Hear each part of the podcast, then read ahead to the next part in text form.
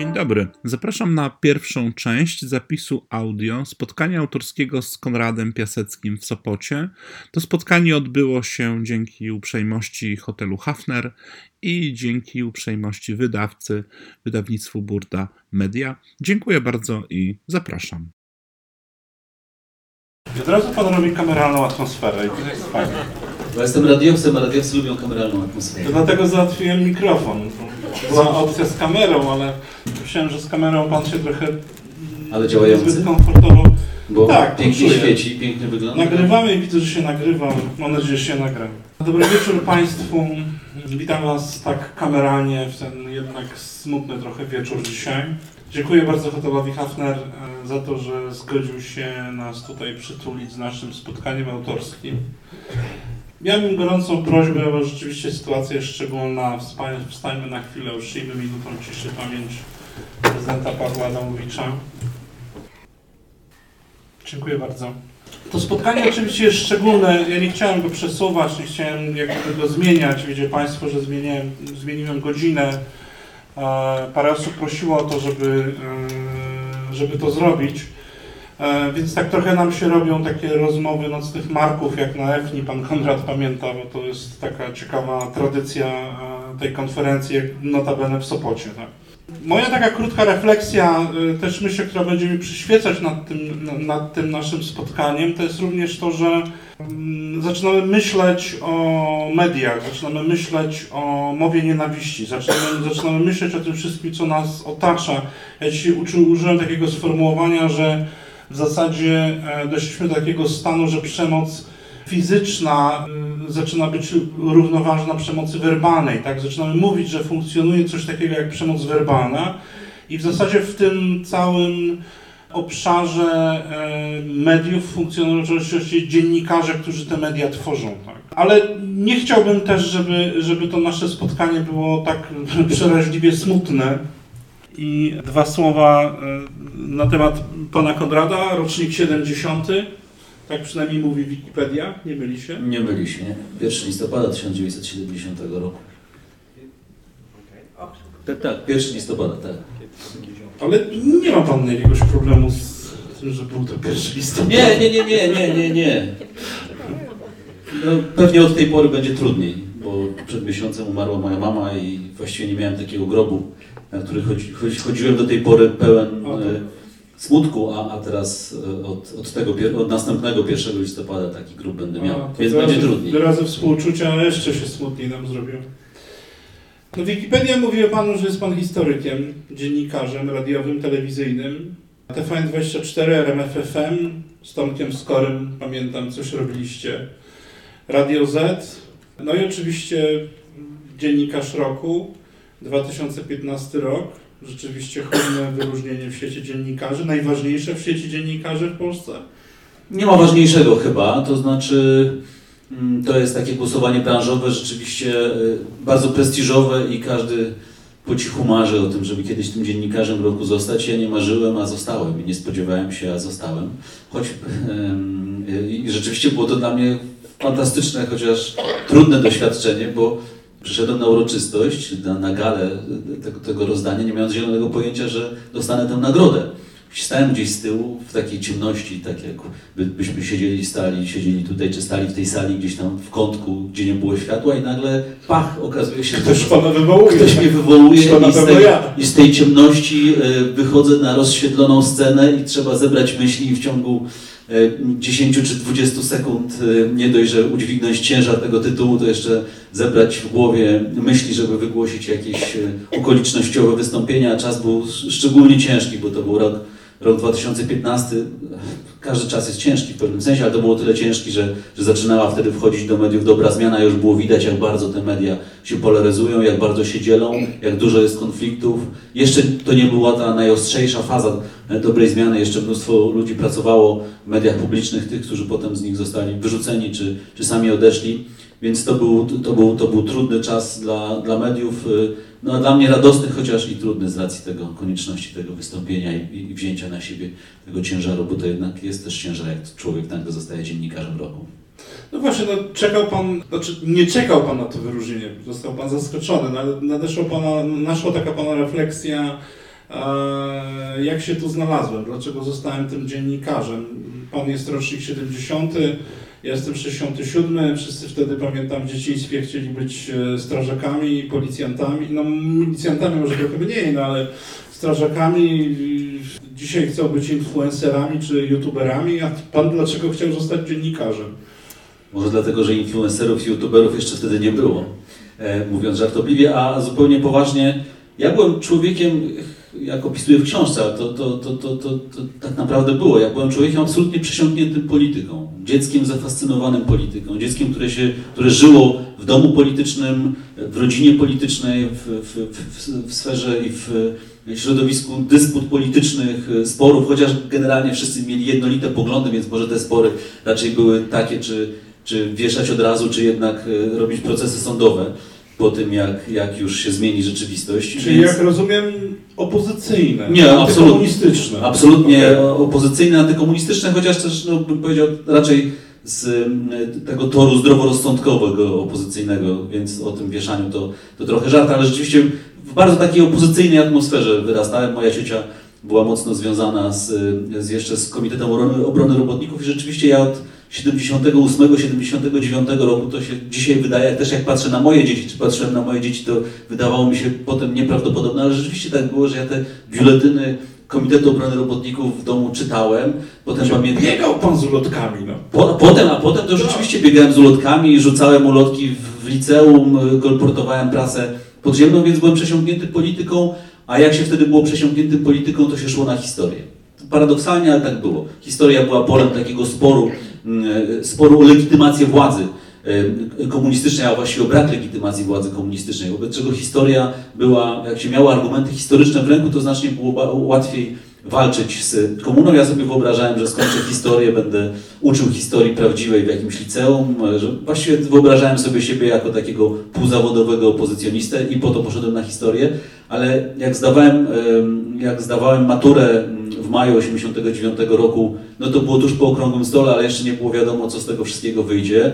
Jak zdawałem egzamin na studia, to już było po, po wyborach 4 czerwca i już było widać, że e, system zaczyna się walić. Jak przyszedłem na studia, to było 6 dni po powołaniu rządu mazowieckiego, wobec czego z punktu widzenia mm, e, tego, co myślałem o swojej przyszłości, dosyć szybko doszedłem do wniosku, tak, historia fantastyczna jako miejsce studiów, jako nauka, jako miejsce debat i dysput y, historycznych, ale jednak to polityka jest tym, co mnie niesłychanie bawi, co mnie, co, co, co ogniskuje moje myśli y, i co chyba powinno stać się moją przyszłością. A że nie widziałem się w roli polityka, wobec czego uznałem, że opisywanie polityki, dziennikarstwo to jest coś, co powinienem robić i z ogromną nieśmiałością, y, z ogromną niepewnością siebie zacząłem wchodzić w ten dziennikarski światek.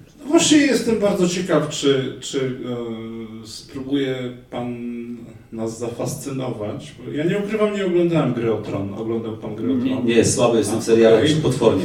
Ale go, obejrzałem znaczy, House of Cards. Kultowy, tak? tak? House of Cards też nie oglądałem. House, House of Cards obejrzałem i to rzeczywiście z punktu widzenia dziennikarza politycznego jest fascynujące. Okej, okay. natomiast dokładnie o to chciałem zapytać. Co jest takiego fascynującego w polityce? Mnie osobiście się ona kojarzy z interesami, z manipulacją, z propagandą.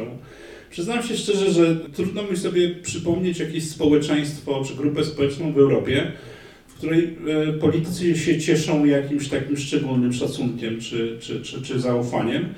I no, pytanie brzmi dlaczego? No, tak z punktu widzenia czysto organizacyjnego, jeśli chodzi o demokrację, no to politycy, polityk powinien być reprezentantem narodu wybrany przez ten naród, finansowany przez to społeczeństwo, no powinno to być creme de la creme, tak? A, a, a rzeczywistość jest inna. Co takiego jest w tym fascynującego?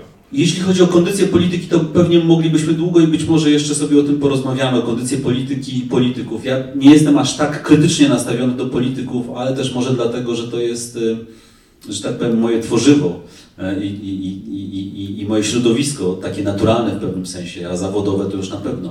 Więc nie, nie patrzę na nich aż tak krytycznie jak większość społeczeństwa. Ale dlaczego polityka?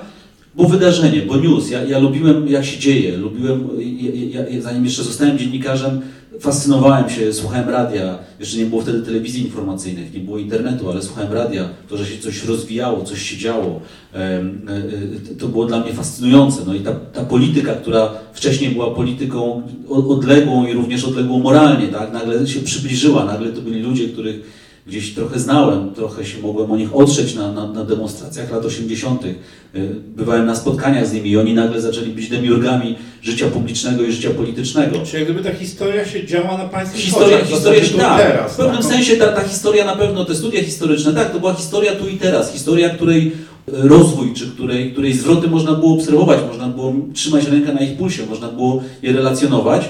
A, a, a, w do, a, w dodatku na swoje szczęście czy nieszczęście wszedłem pierwszy raz do Sejmu 2 czerwca 1992 roku, czyli na dwa dni przed 4 czerwca 1992 roku, więc to był już absolutnie czas, w którym gorączka polityczna sięgała zenitu. Takich dni w historii polskiego parlamentaryzmu było parę, jak, jak ten 4 czerwca 1992 roku, więc dla kogoś, kto jako 22-latek, niespełna 22-latek, wchodzi do Sejmu i obserwuje tak, taki, taki dzień jak ten 4 czerwca, no to oczywiście można y, znienawidzić, ale można i pokochać. Y, można się zarazić, można złapać bakcyla, można złapać tego wirusa polityki. No i mnie ten wirus y, absolutnie, absolutnie opanował i żadne antybiotyki nie pomagały. Chociaż antybiotyki są na bakterie, a nie na wirus. E, ale okej, okay, ale nic nie pomagało w każdym razie i stwierdziłem, że tak, że to jest to, no, to z wypiekami na, na, na, na policzkach i z płonącymi uszami te, te dni e, wspomina, znaczy te dni przeżywałem, a, a do dzisiaj w pewnym sensie jakoś serce żywiej mi bije, kiedy, kiedy pamiętam ten czas. Więc, więc, więc, więc ta, tak, ale to Pan ma rację. Historia, która się dzieje na moich oczach i która się nazywa polityką, to było to, co mnie pewnie pchnęło do, do, do uprawiania tego zawodu i do zajmowania się polityką, która się wydaje tak nieatrakcyjna, chociaż z mojego punktu widzenia naprawdę tak nie jest. Okej, okay, do polityki, a może bardziej do polityków jeszcze będę chciał wrócić, natomiast chciałbym pójść w takim kierunku mediów i dziennikarstwa. Ja kiedyś zapytałem znajomych na Facebooku, jakie media są dzisiaj dla wszystkich wiarygodne. Czy są jakieś media, które są uznane, będą uznane przez różne grupy społeczne za najbardziej wiarygodne. No i to, ta dyskusja zakończyła się tym, że padły nazwy Miś i Świerszczyk i ten Świerszczyk też nie do końca. Dla starszych dzieci, rozumiem. Tak, znaczy ja podejrzewam, że niektórzy różnie interpretowali ten świerszczyk, ale nie idźmy tą, tą drogą. Natomiast jestem bardzo ciekaw, jakie pan media uznaje dzisiaj za, za, za wiarygodne? Bo to jest takie pytanie, co dzisiaj mamy czytać, czego mamy słuchać, co oglądać, żeby, no co tu dużo mówić, nie wiem, nie być ogłupianym, zmanipulowanym, bo pan na pewno zna doskonale różne metody działań dziennikarskich Natomiast przeciętny, jak to mówi się, Polak szarak, nie, on po prostu włącza radio, włącza telewizję i, i, i widzi tam obrazek, widzi, że w jednej stacji telewizyjnej pan profesor mówi, że niebo jest błękitne, a w drugiej, że niebo jest czerwone. W jednej mówi, że deszcz pada, a w drugiej, że jest piękna pogoda. No więc jak tak na dobrą sprawę, jak sobie z tym radzić? Tak? To, to jest szalenie trudne pytanie, a, a, jeszcze, a jeszcze bardziej szalenie trudna jest odpowiedź na nie. Ja powiem tak, media, z którymi, w których pracowałem, z którymi byłem związany, czyli no, te trzy najpoważniejsze w moim życiu, właściwie cztery, Radio Kolor na początku, potem RMF, potem Radio Z i TVN24. To są media, które, tak, ja uważam za wiarygodne, to znaczy ja bym nie pracował w medium, które uznawałbym za wiarygodne, kłamliwe, e, zafałszowujące rzeczywistość. I to, to powiem jako takie credo, czy jako jako ta, ta, taką dominantę tego, co powiem za chwilę. Ale oczywiście, drodzy Państwo, tak, prawda, prawda nie leży po środku, prawda leży tam, gdzie leży, ale każdy z nas podejmując decyzję o tym, ja o czym będę rozmawiał, jakiego gościa zaproszę, co będzie tematem głównym mojej rozmowy, wydawcy, wydawca mojej rozmowy, wydawca anteny w TVN24, bo, bo dzisiaj obserwuję to medium z bliska, wydawca anteny, szefowie, codziennie musimy podejmować każdy z nas y, po jednej, dwie, pięć, dziesięć decyzji, tych decyzji w sumie y, są, są setki i tysiące dziennie, a miesięcznie pewnie dziesiątki tysięcy. Czy robimy to bardziej, czy robimy to? Czy zajmujemy się tym tematem, czy zajmujemy się bardziej tym tematem? Czy uznajemy, że to jest informacja sprawdzona, zweryfikowana, czy czekamy z jej podaniem, bo nie jesteśmy pewni?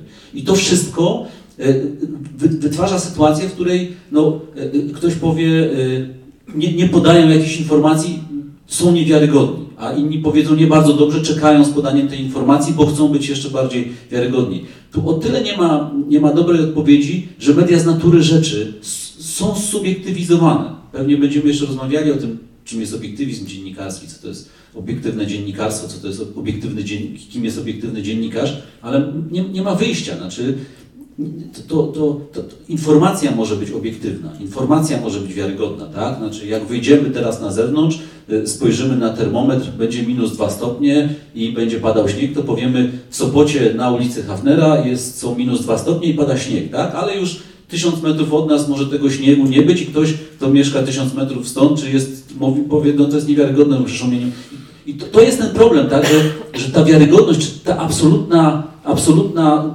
namacalna pewność informacji to jest bardzo trudna, trudna sprawa, trudna materia.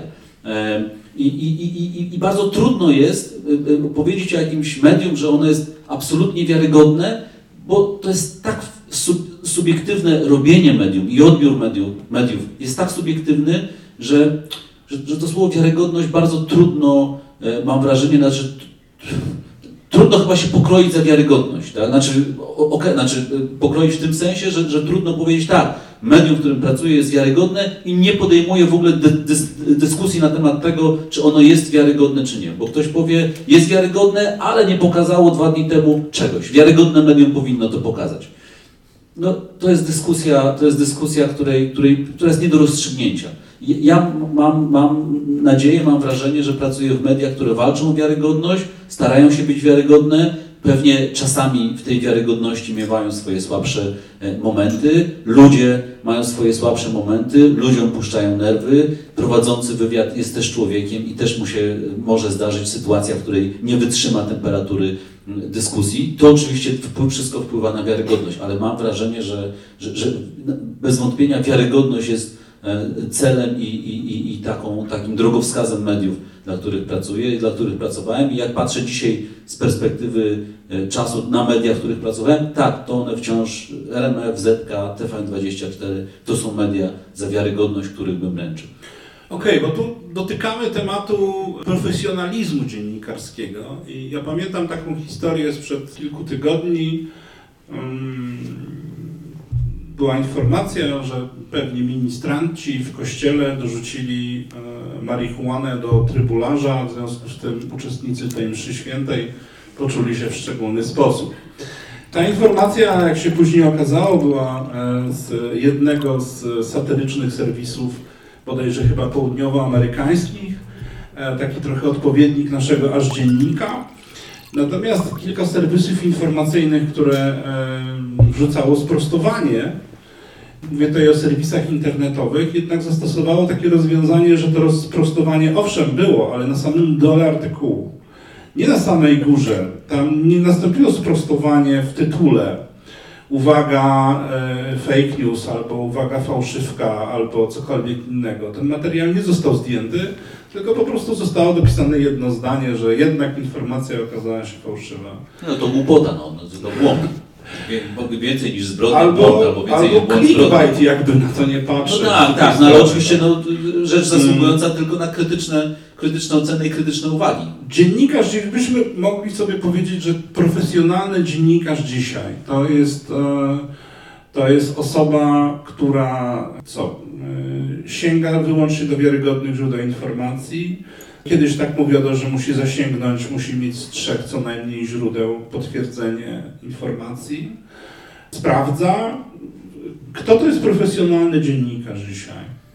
I znów, oczywiście tak, wszelkie kodeksy polskie, światowe, BBC każą sprawdzać informacje w co najmniej dwóch źródłach, tak? No to jest podstawowy taki kanon dziennikarski jest taki, sprawdź informacje w dwóch źródłach, jeśli nie sprawdziłeś ich w dwóch źródłach, to jej nie podało. Okej, okay. czy jak sprawdziłem, ta informacja jest w aż dzienniku i w kwejku, to znaczy... No nie, ale oczywiście w dwóch wiarygodnych źródłach. Tak? Ja, ja, ja mówię, no, bo tu, tutaj to nie ma o czym dyskutować, tak? Znaczy, jeśli dziennikarz daje się wrabiać w rzecz e, tak słabo, tak nieudokumentowaną, Jeśli sięga po źródła, które są kompletnie niewiarygodne, e, humorystyczne i nie rozumie tego, że to jest źródło humorystyczne, no to jest kompromitacja zawodowa. Okej, no ale idźmy dalej. Wie pan doskonale, że dla e, pewnej grupy A określone źródła nie są wiarygodne i dla pewnej grupy B określone źródła też nie są wiarygodne. No tak. I teraz po- i w grupie A i w grupie B są dziennikarze i tu dochodzimy do tej sytuacji e, bańek informacyjnych, że w jednej bańce informacyjnej dziennikarze funkcjonujący w tej bańce i generujący po prostu informacje i opinie funkcjonują tylko w oparciu o źródła w ramach tej bańki. I pytanie, czy w drugą stronę to, to wygląda tak samo. No i tu się łapiemy na tym, że owszem, dziennikarz zasięga e, informacji w kilku różnych źródłach, no ale nadal funkcjonuje w pewnej bańce informacyjnej, która no, nie jest związana na przykład z profesjonalnym dziennikarstwem. No i tu się ro- rodzi problem. Znaczy, teraz pytanie jest takie, na ile ten dziennikarz ma dobrą wolę, bo to jest też istotne dla oceny jego, tak, to jest jego tak, słusznie. to, to na ile on, on, on chce kłamać, a na ile kłamie, bo ktoś go w coś y, wrabia, albo ktoś tworzy przed nim fałszywą wizję, albo ktoś go e, oszukuje, albo ktoś mu poddaje e, fałszywe informacje, albo informacje, które są niesprawdzone, podaje mu jako No tak, informacje. albo wie, że jeśli nie będzie kłamał, no to straci pracę. No, i No tak, no więc to są, to, więc jeśli ktoś, jeśli ktoś chce kłamać, to, no to jest y, dy- dyskwalifikujące zawodowo, no tylko tyle można powiedzieć, ale to, to naprawdę jest tak, że dziennikarz, i teraz mówię o swoich doświadczeniach newsowych, to naprawdę jest tak, że dziennikarz jest podda, poddany niesłychanej z jednej strony presji, potrzeby informacji, potrzeby newsa, z drugiej strony konkurencji, bo wiadomo, że konkurencja nie śpi. News, jak jest gorący, to on już, już odbieram telefon od jednego informatora, ale mam świadomość, że jakiś Dlaczego jeszcze nie my, tak? ta, nie, ale informator mówi, mam dla pana newsa, wydarzy się to i to. No i teraz mam przykład z życia wzięty. Jest wieczór styczniowy y, ubiegłego roku, mniej więcej rok temu. Pojawiają się informacje, że tej nocy czy tego wieczora dojść ma do zmian w rządzie. Dzwonię czy SMS-uję do człowieka bliskiego sferom rządowym, do którego mam absolutne zaufanie i pytam, czy będą zmiany w rządzie. Tak będą. Kiedy? Jutro rano. Jakie? Wypada z rządu Macierewicz, Błaszczak zostaje ministrem obrony, Brudziński zostanie, zostaje ministrem spraw wewnętrznych, Czaputowicz szefem MSZ-u, Szumowski zostaje ministrem zdrowia. Okej, mam informację. No super, no w ogóle bomba informacyjna, petarda, tak? Znaczy głównie to, że Macierewicz wypada z rządu, co było od, od dwóch lat jednym z głównych tematów, tak? Przed wyborami, w trakcie wyborów, po wyborach ten Macierewicz ogniskował e, uwagę świata dziennikarskiego. Próbuję to potwierdzić za wcześnie. Nie mogę Ci nic powiedzieć. Nie mogę Panu nic powiedzieć. To, wszystkie kolejne źródła, wszystkie, wszyscy kolejni moi rozmówcy mówią, coś jest na rzeczy, tak, co, coś może takiego być, ale podawać nie podawałbym jeszcze. No, ryzyko. No i, i, i a mam świadomość, że, że się dzieje tak, że takich jak ja, ludzi, dziennikarzy, dzwo, którzy dzwonią w tym momencie i mówią, słuchaj, będzie tak, ten Jezu Macierewicz wypada, daje to co. Jest, jest co najmniej kilkunastu w tym mieście i, i, i, i na tym rynku. No więc, no, no i trzeba podjąć decyzję, tak? Znaczy trzeba podjąć, w dodatku, w dodatku to jest tak, że ja dam tę informację, a za chwilę się okaże, że komuś się coś odwróciło, tak? Czyli, że na godzinę 22, nie wiem, tam powiedzmy 17 stycznia 2018 roku ta informacja, już skupmy się na tym Macierewiczu, że Macierewicz wypada z rządu i przestaje być ministrem obrony, jest prawdziwa, ale za chwilę prezes zadzwoni do premiera Morawieckiego i powie, no nie, panie, panie Mateuszu, jednak nie możemy wycofywać Macierewicza, zostaje, tak? I ja zostanę z tą informacją i z tym newsem gorzej niż Himmelsbach z angielskim, tak? Czy zostanę jak kompletny pacan, no, czy ko- kompletny pan. No i, i decyzja, podawać czy nie podawać. No to, to, to, to, no i co, podawać? No Państwo mi powiecie. Nie podoba. Nie podawać. Nie, a wie pan dlaczego? No. Bo odnoszę wrażenie, słuchając pana i wspominając swoje dawne dziennikarskie czasy, że dziennikarze sami siebie nakręcają, a brak tej informacji ludziom naprawdę niczego To- złego by nie zrobił. Z jednej strony tak, ale z drugiej strony, no dobrze, to podam, nie sprawdzi się i co strasznego będzie. No nic właśnie. No więc właśnie, no więc, a, a ale wie pani, podam i też nie będzie. No tak, ale będzie głupio przynajmniej. ale każdy, no tak, ale każdy z nas pracuje w jakimś zawodzie, każdy rozumie, co to jest konkurencja, tak? Każdy chce być najlepszy, każdy chce być Tak, a poza tym to jest istota dziennikarstwa. No więc właśnie, to jest, istot- news jest istotą, jest solą, e, solą, solą dziennikarstwa i Sprawdzony news? no, sprawdzony, bo mam go z pewnego źródła. To źródło, z którym rozmawiam, A, jestem go absolutnie. No ale, ale, ale, ale Dobrze. być, być może tę informację ma w tym momencie pięć osób. No, podałem tę informację. Sprawdziła Odpowiem- się, sprawdziła. Miałem satysfakcję. Tak. Jeszcze tego samego wieczora wszyscy mówili, no nie, no. Naj- Najpierw mówili, haha, Piasecki. Odpowiem, odpowiem historią, której pan nie zna. To tylko skończę, tylko powiem, Okej. że tego dnia wszyscy mówili Piasecki baran. Nie, nie, kompromitacja. A następnego dnia wszyscy mówili, jak to jest możliwe, że taki Piasecki z Zetki i z TVN-24 miał news, a ci wszyscy prawicowcy, ci wszyscy dziennikarze, którzy siedzą na co dzień w salonach władzy, nie mieli takiej, nie mieli takiej informacji. No więc, czy da- daje to satysfakcję? Daje. Czy człowiek zapada się pod ziemię, jak poda taką informację, ona się nie sprawdzi? Zapada się. No taka, taka sól tego zawodu. No. Odpowiem historią, której pan nie zna. Umiera kardynał Józef Klemp. Leży w łóżku z żoną, własną żoną dla ułatwienia dodam. I To mam na Facebooku, tak, i mam na Facebooku a, no, swojego serdecznego kolegę dość wysoko w strukturach TVN-u i zadałem pytanie, słuchaj, powiedz mi, kiedy TVN24 poda te informacje. Tak? I patrzymy na żółty pasek, akurat trwa szkło kontaktowe. Ja patrzyłem na zegarek, minęło dokładnie 8 minut. I ja mówię, słuchaj, ale czy ktoś potwierdzał, skąd, skąd wzięli? 8 minut to jest bardzo krótko, owszem, wystarczy na jeden telefon. I on mówi, no z Facebooka księdza Sowy, tak, który jest również moim znajomym, w związku z tym ta informacja gdyby się pojawiła. I ponieważ ten profil jest wiarygodny, ta informacja była wiarygodna. Wie pan doskonale, przecież i ci wszyscy, którzy się zajmują dziennikarstwem, że informacje o śmierci można wygrać wszystko, ale można wszystko stracić w jednej chwili, jeśli ta informacja jest fałszywa. Tak. Eee, Aczkolwiek dzi- dzisiaj jest coraz bardziej zasada, że na informacje o śmierci się nie ścigamy. Dzisiaj co- coraz częściej mam wrażenie, że czekamy na oficjalne podanie informacji, no ale, ale czasami bywało tak, że było inaczej. Tak, natomiast wrócę do tego dziennikarskiego obiektywizmu. Czy, czy to jest naprawdę Yeti? Bo to jest znowu moje osobiste przeświadczenie, że nie ma czegoś takiego jak, jak obiektywne dziennikarstwo. Moim zdaniem dziennikarstwo może być profesjonalne i rzetelne, ale tak na dobrą sprawę obiektywizm jest zawsze związany, ten dziennikarz zawsze jest człowiekiem i on patrzy na świat swoimi oczami i w określony sposób interpretuje informacje. I w zasadzie mówienie o obiektywnym dziennikarstwie jest takim trochę humbugiem, bo, e, no bo obiektywne dziennikarstwo to znaczy, to znaczy jakie? Tak jak Pan wspominał, jest minus dwa na dworze, to jest fakt, ale jednemu będzie zimno, drugiemu będzie ciepło, tak? Z- Zaskoczę Pana, ale ja właściwie się z tym zgodzę.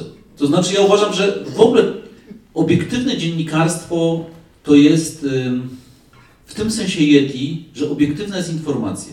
Tak, jest coś takiego jak obiektywna informacja. Pracowałem przez lata jako dziennikarz newsowy, e, dziennikarz zajmujący się informacją i podawałem informacje obiektywne. Że jest komisja sejmowa, na komisji sejmowej została przyjęta ustawa, w tej ustawie zapisano to, to, to i to. Czy to było obiektywne? Obiektywne. Nie było całościowe i tu już zaczyna się problem, bo już subiektywnym wyborem było to, że ja mówiłem, bo miałem 40 sekund na relację, że mówiłem o tym, że ta ustawa zawiera to, to i to, ale ta ustawa zawiera 180 ym, artykułów i o 169 nie powiedziałem ani słowa, a zatem już dokonałem, dokonałem subiektywnego wyboru tego, co w tej informacji się e, e, znalazło. Więc, a, ale starałem się e, o obiektywną informację, nie przecedzałem jej szczególnie przez jakieś swoje subiektywizmy, poglądy, tak. To, to, dawałem informację, uważam, obiektywną, na ile e, medium, w sensie przestrzeń, i- przestrzeń czasowa, którą miałem do dyspozycji, dawała mi możliwość opisania rzeczywistości w sposób obiektywny i całościowy. Ale tu właściwie obiektywne dziennikarstwo się kończy. Jak ja wchodzę do studia dzisiaj i mam przeprowadzić rozmowę, to oczywiście ta rozmowa będzie przefiltrowana przez moją, przez mój mózg, przez moje y, doświadczenie y, dziennikarskie, przez moje doświadczenie obserwacji mm, polityków, w jakimś, jakiejś mierze przez moje poglądy, tak, bo, bo, bo, bo pytania, jakie będę zadawał, będą polemiką z jakiegoś kierunku. One, staram się, żeby one były żeby one były uniwersalne, ale oczywiście y, no, ciężko mi atakować z pozycji na przykład superkonserwatywnych, tak? Znaczy ciężko mi zaprosić, bo, bo jestem, bo jestem, y, mam liberalne poglądy, więc powiedzmy trudno mi gościć w studiu, powiedzmy, polityka partii rządzącej i atakować go z pozycji Ordo Juris, dlaczego na przykład jeszcze nie zaostrzono ustawy aborcyjnej. A przecież powinno się to zrobić. A przecież pan wie, że codziennie w tym kraju giną niewinne dzieci, które, e, e, na których jest dokonywana aborcja z przyczyn tak zwanych medycznych i tak dalej, i tak dalej. Tak? No i to, i to już jest subiektywizowane. Tak? Znaczy ja już ja już e, sposobem zadawania pytań w pewnym sensie subiektywizuje swoje dziennikarstwo, więc a, a że dziennikarstwo w dodatku to jest pojęcie niesłychanie pojemne w Polsce. Dziennikarzem jest i y, reporter Polskiej Agencji Prasowej, i reporter e, radiowy, który, który naprawdę ma, ma podawać informację obiektywną i niczego innego od niego nikt nie wymaga, ale dziennikarzem są też czystej wody publicyści, no, demonstrujący swoje poglądy, piszący o swoich poglądach E, książki wchodzący w polemiki na poziomie emocjonalnym takim, że trochę mi skóra cierpnie i wszyscy my jesteśmy dziennikarzami. Wszyscy my, no w dowodzie osobistym teraz nie ma zawodu, ale jak wypełniamy ankietę jakąś, to piszemy o sobie dziennikarz, bo nie ma właściwie innego, innego tytułu. Nie, ten, ten zawód się nazywa i, i, i, i Dorota Wellman jest dziennikarką, i Kuba Wojewódzki jest dziennikarzem, i Rafał Ziemkiewicz jest dziennikarzem i każdy z nich pisze, e, chociaż jako żywo, no czy Kuba Wojewódzki uprawia dziennikarstwo? Nie, nic nie mam do tego, co on robi, no jest świetnym showmanem, ale czy to jest dziennikarstwo? Nie wiem, ale w dowodzie osobistym czuję, że gdyby miał coś wpisać, to by wpisał dziennikarz. No tak, no, ci ludzie, którzy pracują w, w tabloidach w zasadzie też się nazywają dziennikarzami, robią, ro, robią różne rzeczy. Oczywiście w pewnym momencie y, zaczęło być wprowadzane takie pojęcie media worker i dziennikarz ja też zresztą gdzieś pisałem nie tak dawno, że, że, e, że może faktycznie trzeba byłoby ponownie zdefiniować, to już jest w zasadzie rola organizacji dziennikarskich. E, tak które, są, które są skłócone, podzielone. Prawda, no więc to, to, to, to znowu trochę wylewamy dziecko z kąpielą. Niemniej naprawdę zgadzam się z Panem, że, że, e, że no, trzeba byłoby rzeczywiście jednoznacznie określić, kto jest dziennikarzem, bo jednak bycie dziennikarzem to są też pewnego rodzaju prawa, tak? Prawa również, który, który my jako zwykli Polacy szaracy te, też nie mamy, to znaczy nam nie wolno jest na przykład powiedzieć przed sądem, że odmawiamy podania źródła informacji, natomiast dziennikarz może, tak? Więc tak, to dziennikarz pewne... nie może pójść do Instytutu Pamięci tak. Narodowej i zwrócić się o teczkę tak. każdej osoby, tak. czy każdej, z każdej sprawy, a, a szary zwykły obywatel nie może Nie może. Zrobić. Teraz skoro, skoro tak, to jest to również pewnego rodzaju odpowiedzialność, tak? To jest również odpowiedzialność za słowo, bo, bo tak, jak, tak jak też wspomniałem trochę na początku, że my rzeczywiście w tej chwili jesteśmy trochę w takiej sytuacji, że mamy świadomość funkcjonowania przemocy fizycznej, ale coraz bardziej uświadamiamy sobie, że może być również przemoc werbalna, tak? która, która wywiera na nas wpływ. Zapraszam na ciąg dalszy w części drugiej.